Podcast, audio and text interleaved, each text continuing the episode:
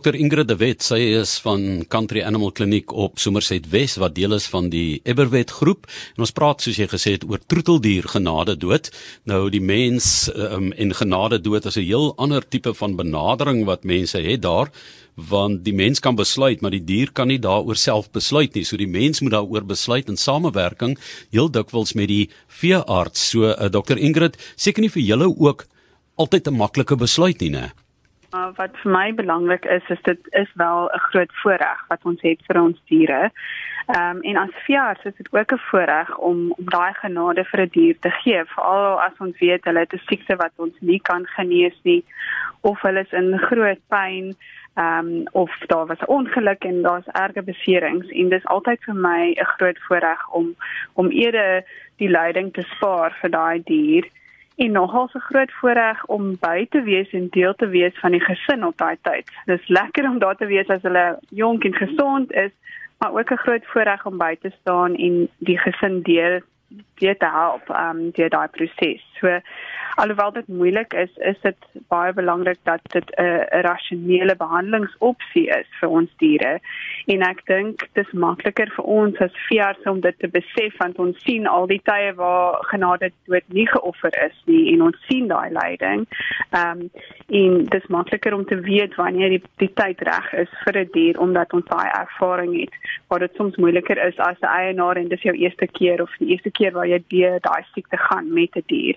Ehm um, so ja, dit is nogals ietsie wat ons baie tyd uh, baie kere moet aanbeveel en dit is soms 'n behandelingsopsie alhoewel ons wil graag hê dat ons diere altyd by ons sal wees. Ehm um, ek moet dit nou vra, jy weet hulle sê mos altyd as jy nou 'n uh, meganikus as jy werk aan 'n motor dan is jou eie motor nooit heeltemal reg nie maar nou wil ek weet het veeartse ook troeteldiere Ja, absoluut. So ek het my eerste enetjie gekry toe ek 4 maande oud was, my eerste hond. En so ek was self deur hierdie proses as 'n eienaar ook. En ek kan albei albei kante van die storie sien en dit is bitter moeilik as jy daai verband het met jou dier en jy's verskriklik lief vir hulle en jy sien ook daai lyding en hoe hulle agteruit gaan. En dit is nogals moeilik om 'n besluit te neem en veral te te die regte tyd te kies om daai besluit te neem is nogals moeilik en dan die skuldgevoelens wat daarna kom en die rou periode daarna so ek dink ons as veearts ons het almal diere gehad en ons het al twee kante ervaar en ek dink dis ook vir my hoekom dit nogal 'n voorreg is om om daar te staan en by te staan met 'n gesin om hulle te help daarmee.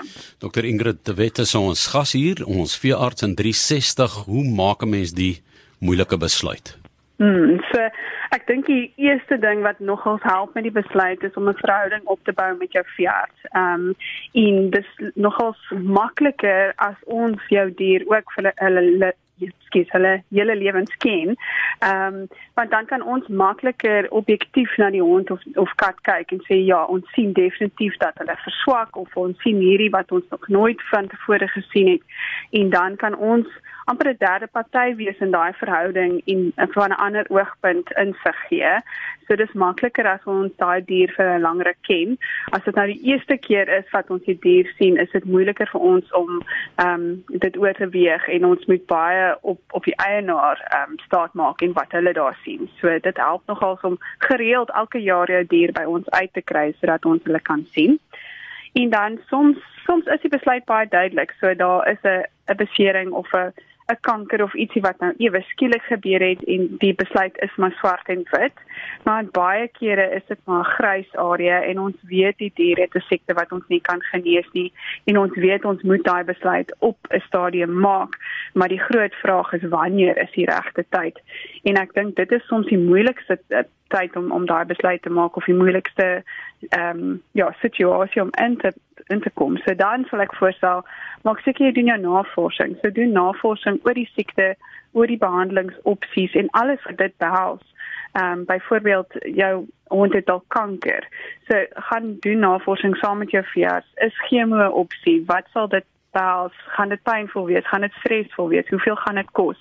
So maak seker jy het al daai inligting en dan help daai besluit, help dit om die besluit bietjie meer rasioneel te maak dat 'n mens met die die feite kan werk en dan baie belangrik ook te kyk na die emosie en die hele gesin en daai uh, opset. So is daar finansies beskikbaar? Is iemand siek in die familie wat 'n impak gaan hê? So daai goede speel ook 'n rol in daai besluitneming. En dan ook om te besluit as 'n gesin, hoe ver is jy bereid om te gaan en watse opsies gaan vir julle werk? En ek dink dit is veral belangrik as daar kinders in die gesin is om hulle ook in ag te neem en dat hulle ook die situasie verstaan en verstaan al die faktore sodat almal ehm um, ja net vrede kan hê oor die besluit en wanneer die daai besluit gaan geneem word. Ja, so dit gaan oor die gesin en en die balans daarin en die begrip wat daar is, maar kwaliteit van lewe gaan tog 'n groot rol speel. Mens kan nie die die dier laat lei om die gesin gelukkiger te hou nie. So na watter faktore kyk julle? So daar's 'n paar goedes van ons kyk. Die eerste een en amper die belangrikste een vir my is um, is die hond of kat in pyn wat ons nie kan beheer nie of is die beheer daarvan so erg dat ons nou baie neeweffekte gaan kry van daai behandeling. Ehm um, en dan tweedens kan hulle eet en drink op hulle eie of is daar 'n maklike manier wat ons hulle kan kry om te eet en drink? Ehm um, die ander groot ding van kwaliteit van lewe is hoe gereeld braak daai dier en kan ons daai naheid beheer. Dit is nie lekker om heeltyd naar te voel nie. Ehm um, so dis baie belangrik dat ons dit wel kan beheer en behandel. En dan ehm um, baie belangrik om te kyk na hulle gedrag. So kan hulle hulle normale gedrag uitoefen. Wil daai hondjie nog steeds gaan vir 'n stappie al is dit net vir 10 meter. Ehm um, staan hulle op om jou te groet as jy by die huis kom, kan hulle nog so 'n bietjie speel of lê hulle net een kant en is hulle nie meer deel van die gesin nie. Ehm um, dan weet ons hulle het maar slegte kwaliteit van lewe. En dan een wat dalk bietjie van selfsprekend is is hoe maklik kan hulle asemhaal. So sommige kondisies soos hartkondisies of erge asma sal veroorsaak dat die diere glad nie maklik kan asemhaal nie. Kan nie eers tot rus kom nie want hulle sukkel om asem te haal. Ehm um, en dan higiëne en hoe kan hulle amper tot die badkamer toe gaan? So kan hulle opstaan en buite toe gaan om om hulle besigheid te doen of doen hulle dit self in die bed? En honde en katte is baie ehm um, ja, hulle kan eintlik voel wanneer hulle iets verkeerd doen en in die huis mors. So dit is baie belangrik dat hulle dit buite kan doen en nog maklik dit self kan doen. En dan is dit ook belangrik om te kyk na die hele gesin se kwaliteit van lewe. So dit is baie stresvol om elke dag wakker te word en na jou dier te kyk en te dink is vandag die dag. En dit kos my baie geld en ek het ander goedes wat ek moet betaal en ek is uitgestres daaroor. So dit is belangrik om ook daai kwaliteit van lewe in te bring en seker te maak dat daai dier nog vreugde in in die gesin inbring. Ehm um, so dit is ook 'n belangrike deel in in daai besluitneming.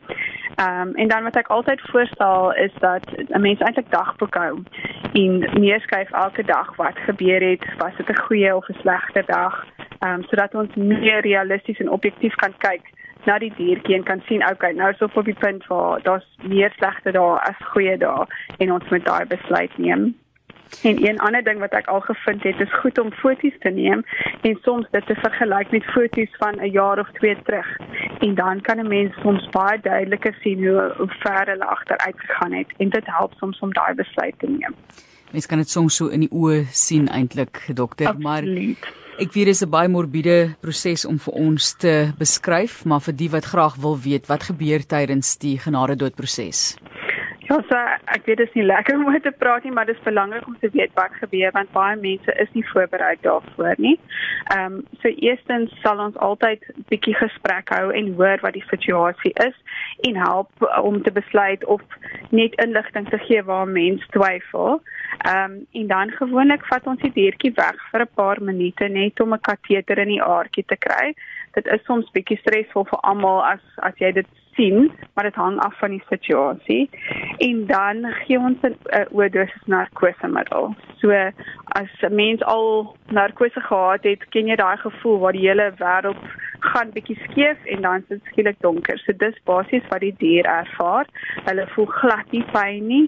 Ehm um, soms beweeg hulle so bietjie of maak 'n geluidjie, maar dit is bitter vinnig en hulle is vas aan die slaap en dan stop die hartjie binne omtrent so 30 sekondes. So wat ek eintlik wil oordra is dat daar glad nie pyn betrokke is nie. Dit is baie vinnig en dit is regtig genade vir baie van daai diere. Ehm um, baie van my kliënte voel skuldig oor die hele situasie, maar ek weet dat dit glad nie pynvol gaan wees vir die diere nie. Ehm um, en dis eintlik 'n goeie manier om te gaan sonder stres en sonder dat hulle te erg ly. Ehm um, en dan help die kliniek gewoonlik met begrawing of verrassing na die tyd. So dis goed om daai opsies ook te bespreek. Ehm um, dan is mens voorberei vir die hele situasie.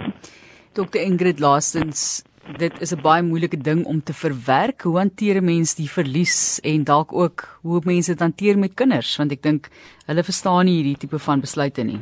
Ja, so vir my as eienaar is dit altyd die moeilikste deel om huis toe te gaan sonder jou kat in jou mandjie of met 'n leë leiband. Dit is baie moeilik. Ehm um, so uit my eie ervaring is dit belangrik om jouself tyd te gee om te rou.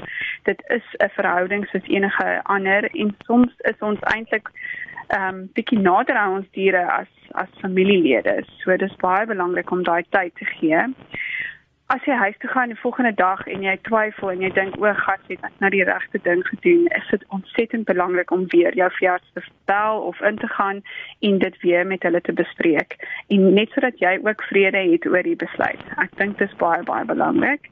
Ehm um, en soms help dit om om ietsie te doen om die dier te herdenk iets persoonlik en ehm um, ietsie wat vir jou baie gaan gaan hou. So dit is baie persoonlik vir elke liewe persoon, maar dit help net om daai closure te kry in die situasie. En dan is daar sommige gevalle waar dit jou regtig tref en dis traumaties en as jy sukkel daarmee, uh, sal ek definitief voorstel dat jy uitreik en met iemand praat, 'n professionele persoon praat, um, oor die emosies en die gevoelens. En baie belangrik om iemand te kry wat daai band tussen 'n dier en hulle eienaar verstaan, ehm um, sodat hulle ehm um, goeie raad kan gee in in daai situasie. Ehm um, as ek kom by kinders, is dit nogals moeilik en ek dink as 'n ouer moet jy kyk na jou kind en sien waar hulle is en wat hulle wel kan hanteer. Ehm um, maar dit is baie belangrik om eerlik met jou kind te wees oor wat gebeur het en hoekom dit gebeur het, dat hulle ook verstaan en dat hulle ook vrede het oor daai situasie en hulle by te trek in die herdenking van die dier. Ek dink dit is nogals belangrik. Ehm um, en ek dink baie baie belangrik om jouself genade te gee en te besef dit gaan dalk baie langer vat om te genees as as wat jy dink aan die begin.